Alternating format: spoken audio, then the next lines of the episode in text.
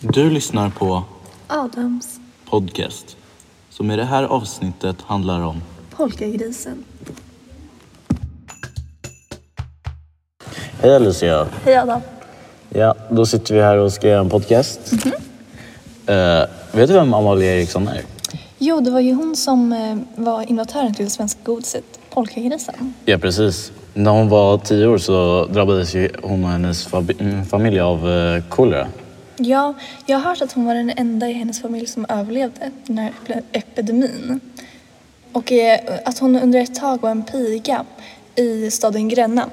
Men eh, efter hennes eh, man gick bort så um, började hon göra karameller och sånt. Jo, ja, det har jag hört också.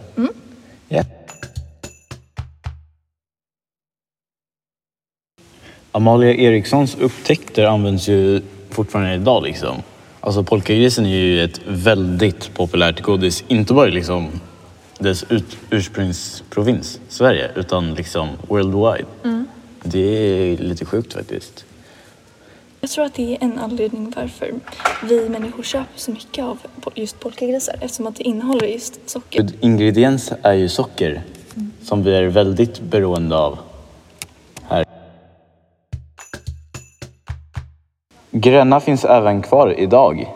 Det är där de producerar de flesta polkagrisarna.